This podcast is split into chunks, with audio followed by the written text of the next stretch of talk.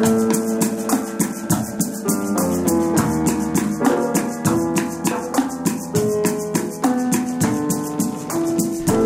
en recordeu d'aquesta bonica sintonia? És que Quique Ramos torna a ser aquí. I... Torno, a ser, torno a ser aquí i a més torno a, a fer-ho de sempre, que és a estar en contra de la bona música, Exacte. que és la meva creuada personal. No hi havia pensat mai, perquè tu ets un tio així com dolç. Ets una persona dolça, mm -hmm. però si no, diria que ets un hater.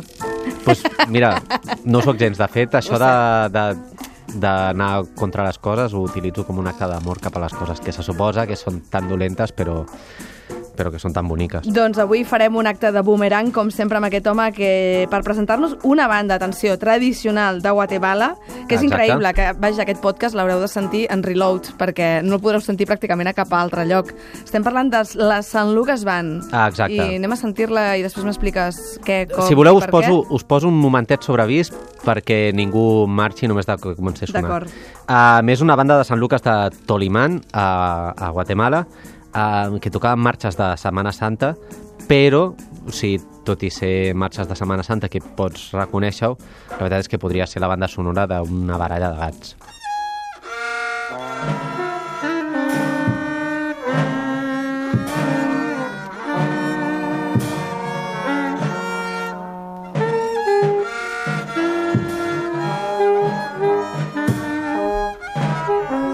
Això és un assaig, no m'estàs dient? O sigui, on cadascú no. toca el que vol, no? No, no, Aquest no, és no. el hitazo.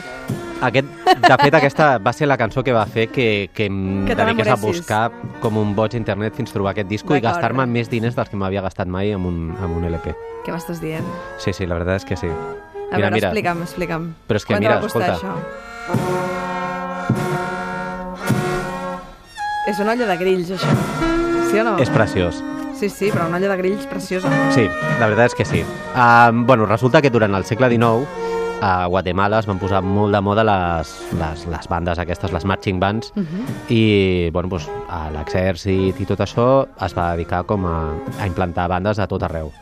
Uh, clar, a Guatemala hi ha regions molt aïllades on, i on només viuen tribus indígenes i quatre missioneros. Quatre gats. És el cas de Sant Lucas Tolimán, que bueno, és una regió muntanyenca de, de Guatemala, Mhm. i allà va arribar a principis del segle XX al rotllo amb una població de, que eren 4.000 persones només, 80% de població indígena, i bueno, doncs, ells tenien una tradició super rica musical i quan els arribaven instruments occidentals doncs, qualsevol, els tios de seguida deien ah, sí, dona'm a veure què, què fem amb això i bueno, doncs, el que feien eren coses així de, de boniques però Sense també... gaire sentit del ritme, si m'ho permets. Mm, bueno, no estic gens d'acord. No? No estic gens d'acord, però bueno, no, si no, vols... vull que m'ho ploris, vull que m'ho ploris. Anem a sentir un altre tema de la Sant Lucas Band, que és la marxa número 6, si et sembla bé. Perfecte.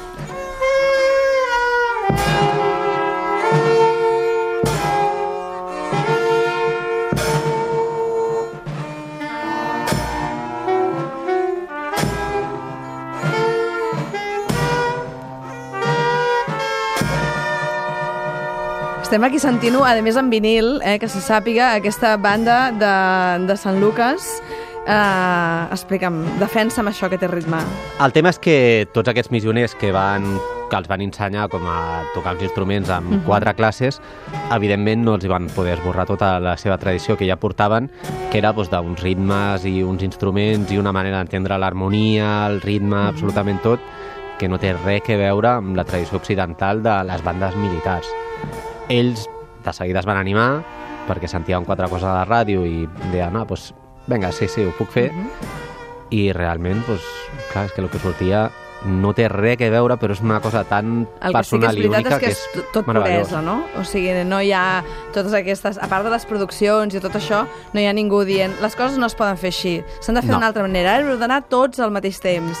No, I no. tu callaràs i tu faràs no sé què, sinó que és com una música que s'arrossega, no?, pràcticament. Ah, exacte. De fet, o sigui, el, el llibret explica, explica un d'ells, el, el director musical d'aquesta època quan es va gravar, que és un tal Bernardo Mejía, eh, de com va començar a fer unes classes de música que es van basar en unes setmanetes i un profe que li va dir sí, sí, sí, tienes talento, adelante. Jo veig una pel·li aquí, eh?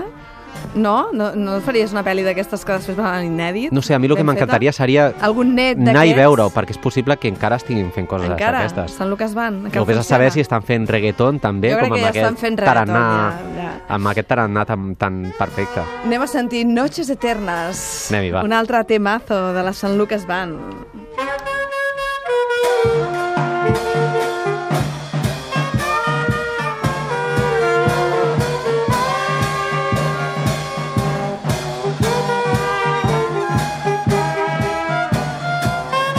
Aquesta m'atreviria a dir que és una cançó desfigurada prou coneguda, eh? Prou Sí. coneguda. Ja us deia que eren els hits que sentien a la ràdio, com aquesta ranxera doncs, famosíssima. Na, na, na, na, na. Sí o no? Però... Sí, sí. Ah. Això és una mena de, de frufru, de frufru de, de És bastant un ranxera. frufru, és un frufru de ranxera, frufru. exacte. doncs totes aquestes cançons es van gravar amb les etnòlogues Catherine King i Linda O'Brien durant la Setmana Santa de 1974. Um, les celebracions religioses que, que tenen allà a Sant Lucas són una mica estranyes. És una. Animistes o... No, pregunto. Mm, hòstia, no en sé gaire de paraules No has investigat aquestes de religions, sí. A més, com una processó de Setmana Santa normal, on, Sí. on la banda doncs, Però va tocant creuen, seguint creuen el... en Déu superior o és que, per exemple, la, la selva, o sigui, els arbres i tal, tot això... això- Tenen una mena de tòtem, Sí. molt bonic. Uh, bueno, tenen aquesta influència del, del cristianisme, doncs, de la processó Mhm. i tot això, i tenen un personatge propi que es diu Rilachmam, que és una mena de déu xamànic que representa la tensió entre el bé i el mal. El vesteixen així és amb una tot mica de... el que els hi passa tota l'estona en aquesta banda, no? Sí, Tenen una tensió. una mica sí. El vesteixen amb tot de colors i, i flors i llavors el fan passejar pels carrers del poble, que, bueno, decoren els carrers del poble doncs, també amb tot de fruites de temporada.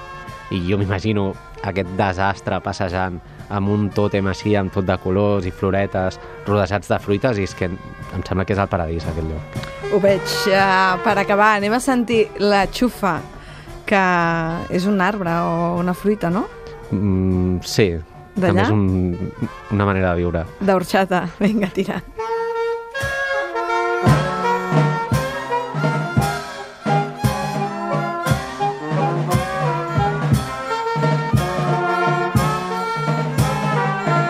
Perdona, aquest de roquetes vinc, de roquetes baixo, agulles de cap, agulles de ganxo. Sí o no? Les cançons tradicionals estan, estan sorprenentment per tot el món en formes molt T'estic trencant el inesperades. cor, eh? Jo tu ara sé que vols fer unes connexions aquí a Guatemala i jo t'he portat... Ah, no, no, no, no. T'he portat la Jota de l'Ebre, imagina't.